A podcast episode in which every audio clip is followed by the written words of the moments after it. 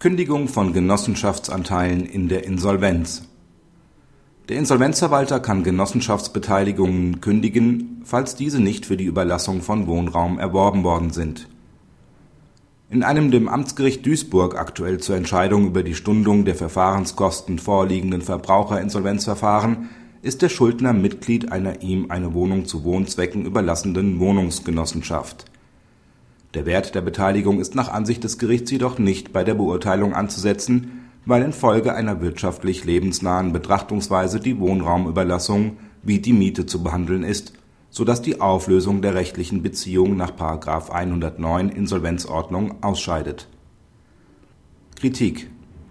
Die Entscheidung steht, wie das Gericht selbst erkennt, nicht nur in Widerspruch zur Rechtsprechung des BGH, sie ist auch falsch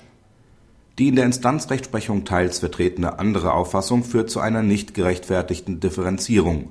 Solche auf sozialen und wirtschaftlichen Ansätzen basierende Rosinentheorie ist nicht angebracht. Wer sich als Wohnungsnutzer für die zuweilen günstigere Variante der genossenschaftlichen Beteiligung entscheidet, kann davon im Krisenfall nicht zulasten seiner Gläubiger wieder abweichen. Dass eine Vielzahl der Nutzer von Wohnraum die bestehenden Differenzierungen nicht kennt ja nicht einmal vermutet, muss unerheblich bleiben, denn über die Rechtsfolgen seines Handelns muss sich jeder rechtzeitig kundig machen